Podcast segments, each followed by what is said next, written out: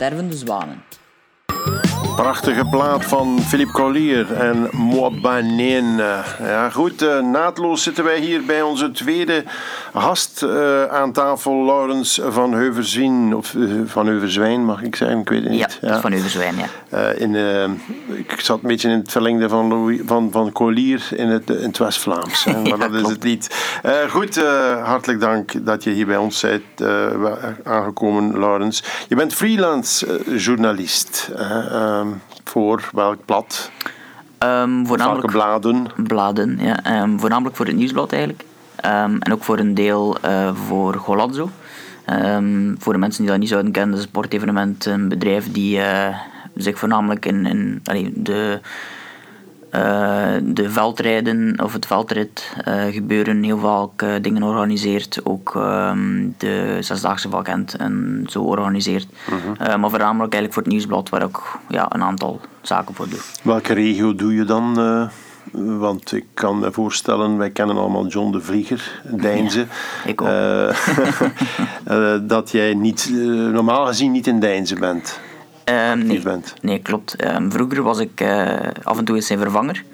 Um, maar omdat ik ook meer en meer op sport uh, terechtgekomen ben, doe ik Deinzen niet meer. Maar ik doe wel nog steeds Schaveren, Nazareth en Zulte.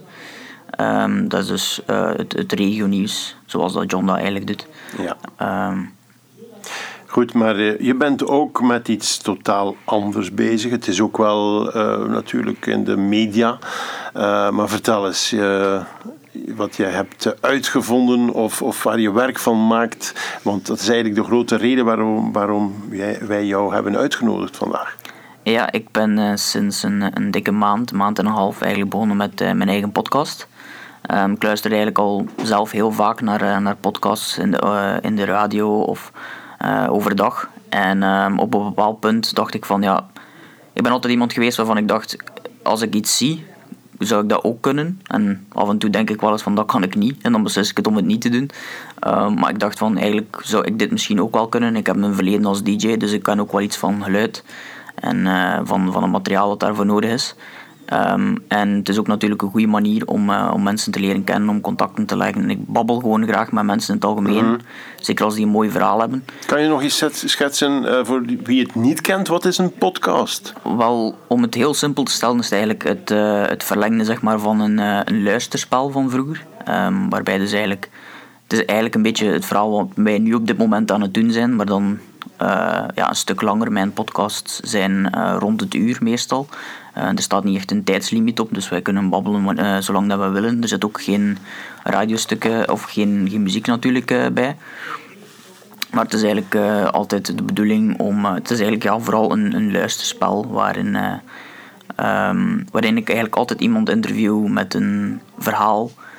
vooral die in de sport zich afspeelt. Zijn altijd sporters of mensen rond de sport. Ja. Wanneer ben je daar precies mee begonnen? Goh ja, um, anderhalve maand geleden ongeveer heb ik uh, na lang twijfelen uh, de beslissing genomen om te doen. Dat twijfelen was vooral, ga ik daar tijd voor hebben? Um, maar de huidige toestand heeft er ook voor gezorgd dat er weinig sport is voor mij. Um, dus weinig weekendwerk voor mij, want anders werkte ik altijd uh, voor sport in het weekend. dus heb ik gedacht van oké, okay, laten we er nu maar gewoon aan beginnen en niet twijfelen. En, mm -hmm. Uh, nu zitten we hier ondertussen. Ja, zit daar een, een zekere regelmaat in? Je bent anderhalve maand geleden begonnen. Is dat een wekelijks interview? Is dat uh, om de twee weken? Of hoe zie je dat zelf nu en in de toekomst? Het is de bedoeling om het wekelijks te doen. Ja. Um, omdat ik gemerkt heb dat dat ook wel handig is naar het aantal luisteraars uh, op te bouwen. Is het zeker um, wel de bedoeling om het nu wekelijks te doen. dat is niet altijd even eenvoudig natuurlijk, ook met de huidige planning. Um, maar ik wil het zeker wekelijks doen op dit moment, ja. Goed, je hebt het ook een naam gegeven, hè, zoals dat hoort. Hè. Ja. En je hebt het een naam gegeven, Stervende Zwanen. Waar, bij God, waar haal je die naam uit? Ja, je moet um, zoeken naar namen, je moet zoeken naar ergens een term die blijft plakken. En hopelijk doet de Stervende Zwanen dat. Uh, voor de mensen die uh, nooit naar koers zouden kijken of nog nooit van het woord of van de naam Michel Wuits gehoord hebben, het komt wel degelijk eigenlijk een beetje van hem. Hij heeft, uh, denk ik, de term bekendgemaakt. Of het echt rechtstreeks van hem is, weet ik eigenlijk niet. Ik zou het hem een keer moeten vragen, mocht ik hem zien. Um, maar ja, heel vaak een sprint van stervende zwanen die hij als, als term gebruikt. Ehm, dus van mensen of, of, wielrenners die eigenlijk helemaal aan het eind van een Latijn zitten, die helemaal kapot zitten en dan toch moeten sprinten voor, het, voor de zegen. En ja, ik vond dat wel een mooie, mooie term. En dat is altijd een term die, die mij bijgebleven is. Er zijn heel veel leuke termen in het, in het wielrennen. En ja, op die manier. Oké. We gaan uh, u direct eens vragen welke podcast je op dit moment al hebt. Hè? Want ik heb begrepen dat er nu al vier uh, zijn uh, uitgebracht, dat er morgen de vijfde aankomt. Maar dat doen we graag na de Beatles. Come Together, maar niet te dicht natuurlijk.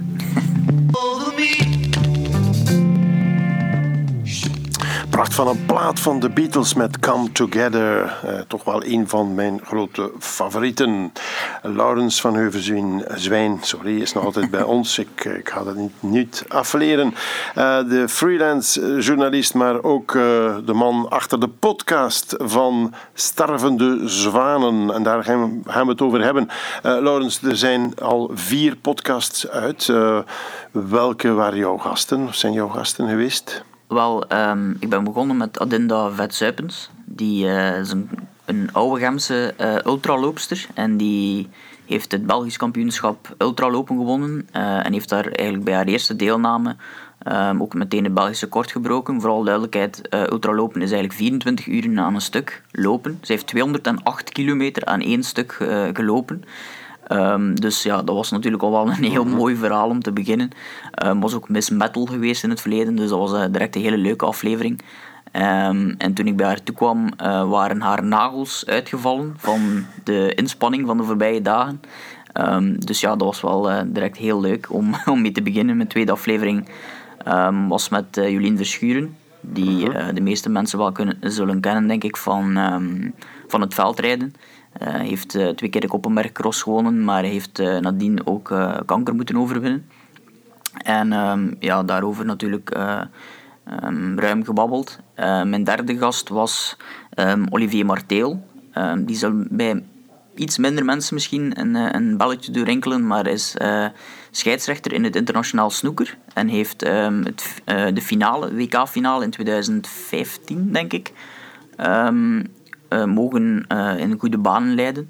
Dus is echt een van de absolute wereldtoppers in het, uh, in het scheidsrechten van snoeker. Dat was ook een hele leuke aflevering, want die heeft ook verhalen verteld van in, in China. En, en, um, dus, ja, Weinig gekend, maar ondergewaardeerd. een ja. man die toch, al, toch wel iets op zijn palmarès staan heeft. Ja, absoluut. En, en dat, dat is ook wel een van de doelen die ik heb met, met de podcast. is om niet te kiezen voor... Allee, af en toe als, als je een mooi verhaal hebt, is het wel mhm. leuk natuurlijk. Um, maar het hoeven niet de grote namen te zijn. Het hoeft niet Mathieu van der Poel te zijn. Um, dat mag erbij komen. Ja, die, die, die, is welkom en dat komt misschien nog, maar...